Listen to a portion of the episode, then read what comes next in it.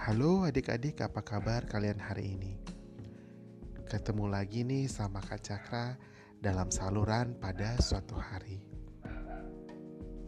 Sekarang Kak Cakra akan membagikan sebuah cerita yang berjudul Kepiting yang Menyelamatkan Manusia. Nah, bagaimana sih kepiting yang kecil itu bisa menyelamatkan seorang manusia? Dengarkan ceritanya sampai habis. Pada zaman dahulu kala, ada seorang pendeta yang baik hati. Ia sedang dalam perjalanannya untuk berkeliling negeri. Hingga pada suatu hari, tibalah ia di sebuah anak sungai yang mengering. Dilihat olehnya, tidak ada air yang mengalir.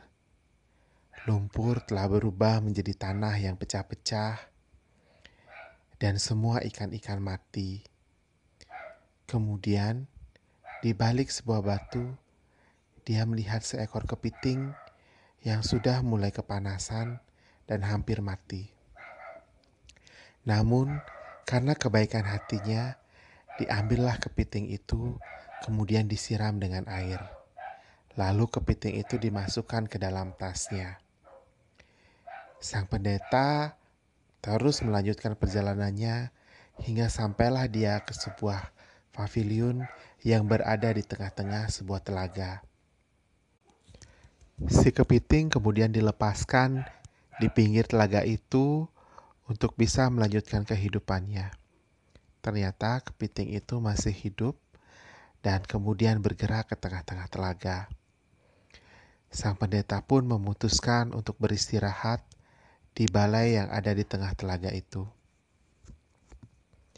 Tidak lama berselang ketika sang pendeta memutuskan untuk tidur, di kejauhan datanglah seekor ular yang ditemani oleh sahabatnya, seekor gagak. Si ular dan si gagak ini adalah dua bersahabat yang sedang kelaparan. Sudah berhari-hari mereka tidak mendapatkan makanan, sehingga sampailah mereka pada pinggir telaga itu. Saat menengok ke dalam pavilion, dilihatlah seorang pendeta yang sedang tidur. Kemudian si gagak berkata, Kak, kak. Sahabatku, ular, kau lihat apa itu yang ada di tengah-tengah telaga? Itu adalah seorang manusia. Ini adalah jawaban dari Tuhan atas segala doa-doa kita hari ini kita mendapatkan makanan. Kemudian si ular menjawab, Kau benar sekali sahabatku, itu adalah seorang manusia. Tentu saja kita akan makan dengan puas. Nah, engkau silahkan pilih bagian mana yang engkau makan.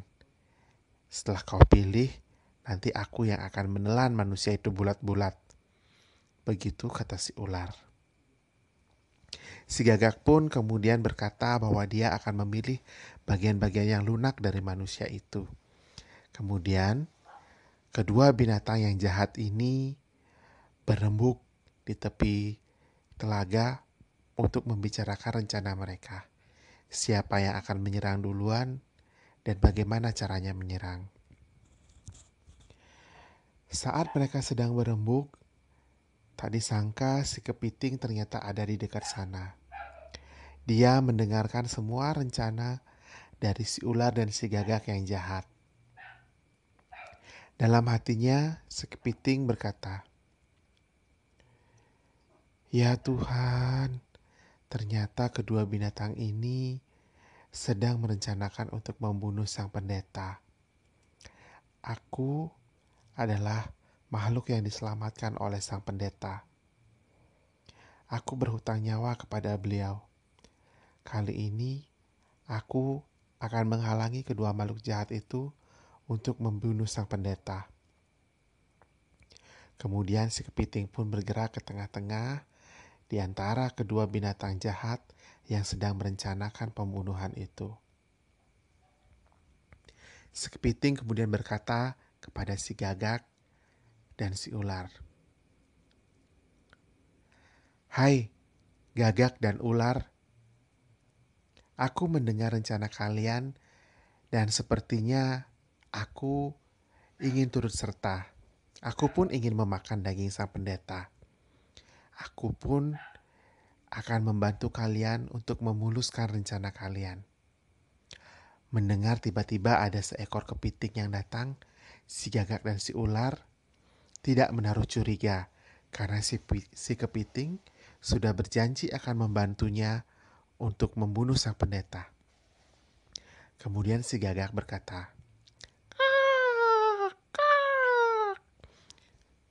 Hai, kepiting, bagaimana caramu membantu kami? Apakah kau akan membawa kami ke pavilion atau apa? Tentu saja kami sangat senang jika ada yang membantu dan kau pun akan mendapatkan bagian dari tubuh sang pendeta itu. Sekarang katakan bagaimana kau akan membantu. Si kepiting kemudian berkata, Gagak dan ular, aku akan membantu kalian untuk memanjangkan leher kalian, sehingga kalian bisa menjalankan rencana dari tempat yang jauh dan tidak terlihat oleh si pendeta.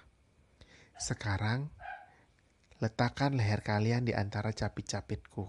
Aku akan menariknya dan membuat leher kalian lebih panjang. Si ular dan si gagak percaya-percaya saja kepada si kepiting. Kemudian mereka pun meletakkan lehernya di antara capit-capit kepiting. Sekepiting dengan sigap menjepit dengan sangat kuat. Sekuat tenaga yang ia miliki, ia kerahkan untuk menjepit leher kedua binatang itu.